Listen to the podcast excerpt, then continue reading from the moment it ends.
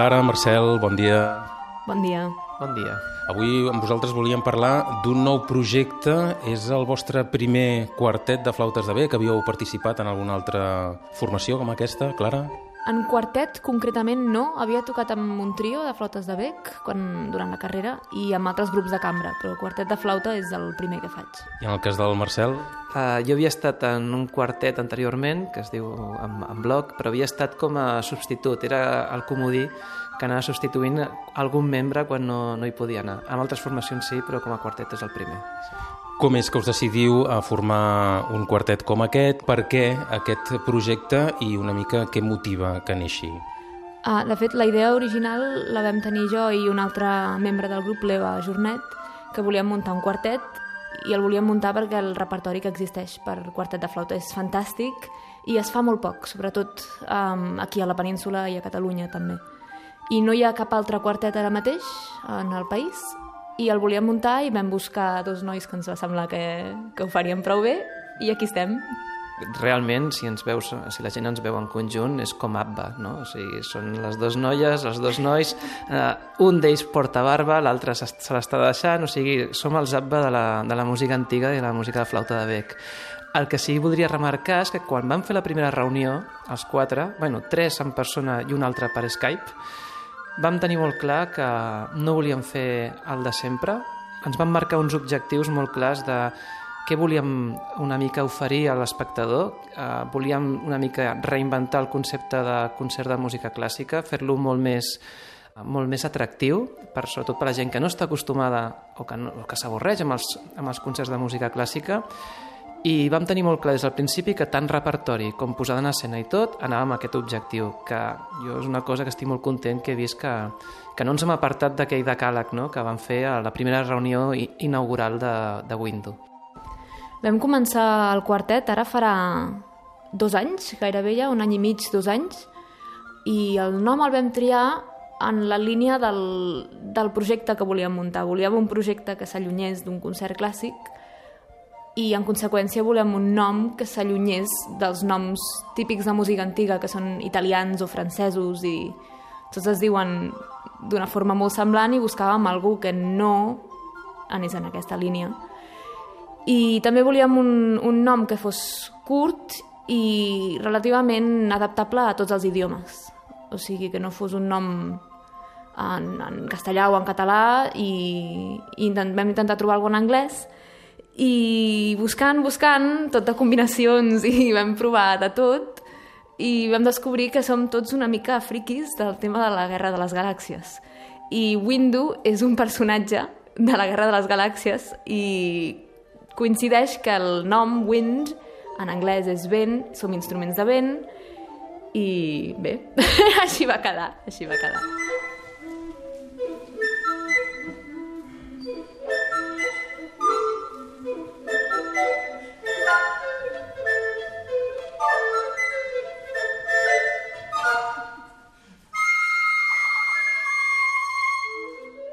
Hem parlat del nom d'aquest conjunt, d'aquest quartet de flautes de bec. Eh, clar, qui us vingui a veure no només us vindrà a escoltar, sinó que us ha de veure. Realment hi ha una escenografia, una posada en escena on predomina sobretot un color. No?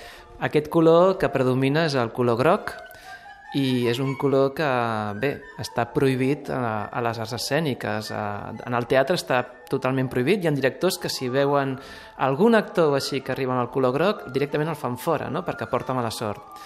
El nostre director escènic, que és l'Ivan Beltran, que vam contactar amb ell doncs, perquè ens ajudés a, a crear tota una escena al voltant d'aquest concert, ja va flipar amb, amb el del color groc però en si el del color groc neix de casualitat, o sigui, nosaltres estàvem fent una intenció d'assajos i vam decidir fer les nostres primeres fotos eh, corporatives, podríem dir. I en tot cas el que vam fer va ser agafar quatre cadires en quatre faristols i posar-los en els llocs més inverosímils que hi haguessin per fer un concert. Un abocador, un garatge amb un tractor, també hi havia uns molins de vent al mig dels camps, i clar, les úniques carpetes que teníem a mà en aquell moment eren de color groc, així que les van posar i van dir, està clar que el groc serà el nostre color. Després, més tard, quan van començar a idear l'espectacle amb el director escènic, amb l'Ivan Beltran, doncs ja van dient, anem a la construcció, el nostre primer vestuari al sortir a l'escenari ha de ser uns monos de fàbrica i que els hem de buscar de color groc que suposo que tothom entendrà que no era el color que més habitual dels, dels catàlegs de vestuari així doncs, de, per fàbrica o per tallers. I a partir d'aquí vam anar fent. I en quant a la posada en escena, que comentaves, doncs clar, és, nosaltres sortim amb una estructura de ferro on hi ha uns plàstics penjats on es projecten uns vídeos, hi ha canvis de, de llum, hi ha canvis de vestuari, hi ha coreografies, quasi... Bé, tres quartes parts de l'espectacle toquem de memòria fent tots aquests moviments i, i és un espectacle pop, per dir-ho així, de, el concepte pop que potser ha popularitzat gent com la Madonna, així, de, amb imatges, so i, i ballarins i tot, però adaptat a la música clàssica és una forma de, de, de modernitzar-ho, de refrescar-ho i de fer una proposta molt fresca. Això sí, sempre sense renunciar al treball musical amb el màxim rigor, això sí, perquè llavors si no et quedes que estàs fent una pallassada. I quines músiques sonen en aquest espectacle? Tenim músiques que van des de Bach fins a, per exemple, un compositor holandès que, que està viu i que estem en contacte amb ell enviant-nos mails. També crec que és important refermar doncs, que hi ha una obra que s'ha escrit pel quartet i que s'estrena, és la primera vegada que es pot escoltar, i també doncs, que hi ha alguns arranjaments i bases electròniques que acompanyen algunes de les peces antigues i que tampoc s'havia fet mai encara.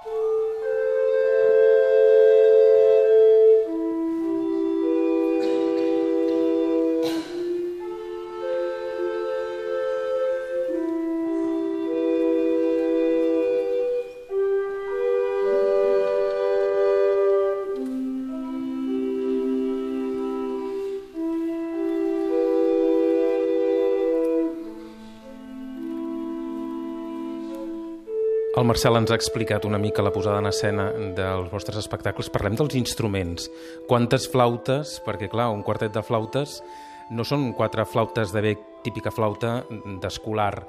No, de flautes de bec n'hi ha moltes i en el vostre espectacle hem vist algunes imatges, moltíssimes, les heu comptat?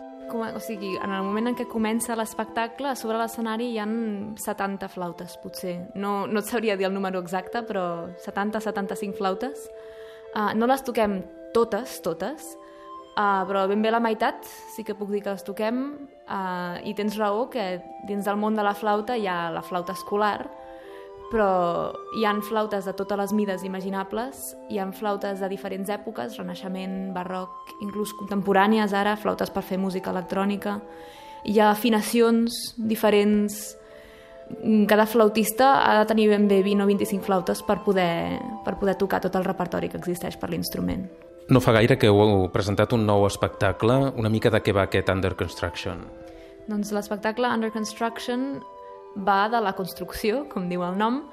Uh, hem triat aquest nom perquè durant l'espectacle el que fem és construir. Construïm el vestuari, construïm l'instrument, construïm l'escenari, de fet, de construïm també l'escenari, és tot un procés de creació que simbolitzem, diguem, amb, amb l'aspecte aquest de la construcció d'un, com seria d'un edifici, per exemple.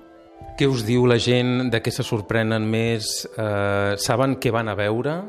Saben i no saben, perquè clar, quan la gent veu el vídeo de presentació o veu les imatges, les nostres imatges que sortim vestits d'obrers amb les flautes i així, ja venen una mica predisposats a veure alguna diferent, però la gent al·lucina, realment no s'ho espera. I és una cosa que jo, jo vaig percebre molt de, el dia de l'estrena, no? de que la gent estava al·lucinada, no? De, al·lucinada sobretot per l'efecte de la sorpresa i jo vaig rebre crítiques molt bones o que jo considero molt bones, per exemple, dels meus alumnes, no? perquè a mi m'agrada molt que adolescents de 15-16 anys em vinguessin i em diguessin se m'ha passat volant, no he mirat el mòbil en cap moment Clar, que un adolescent et digui que durant una hora, cinc minuts, en cap moment ha tingut la, les ganes de mirar el mòbil per mirar si hi ha algun WhatsApp, alguna cosa, és la, la millor crítica de dir, ostres, el que hem fet és interessant i, a més a més, eh, fa vibrar la gent no? I, i li capta l'atenció des del principi fins al final. També caldria afegir que la cosa que sorprèn a molta gent en el nostre concert, però de fet en molts concerts de flauta, um, sempre et ve algú que et diu no sabia que es podia tocar així la flauta de bec. Uh, molta gent em sembla que no és conscient que és un instrument seriós, per dir alguna cosa. És un, un instrument que s'estudia, que es toca a nivell professional com tota la resta i no és només un instrument infantil. Qui vulgui saber-ne més, qui vulgui saber quan actueu, eh, com us poden trobar? Doncs és molt fàcil. Hi ha la nostra pàgina web, que és www.windowquartet.com i també tenim el nostre Facebook, que també és, jo crec que si poses Window Quartet també al Facebook doncs et sortirà. És important que la gent que vulgui estar atenta o vulgui saber el què, doncs es faci seguidor del Facebook perquè allà anirem informant de totes les actuacions i també tots els vídeos que anem fent i que es vagin generant també els penjarem allà. Jo crec que qualsevol persona que consulti la web i vegi ja les fotos, les sessions de fotos nostres, ja veurà clarament que som un quartet de flautes o som un grup de música antiga totalment diferent i innovador. Marcel, Clara, moltíssimes gràcies. Sou la meitat del vostre quartet. Molts records a la resta d'integrants i molta sort, molts èxits. Moltes gràcies a tu. Gràcies, moltes gràcies.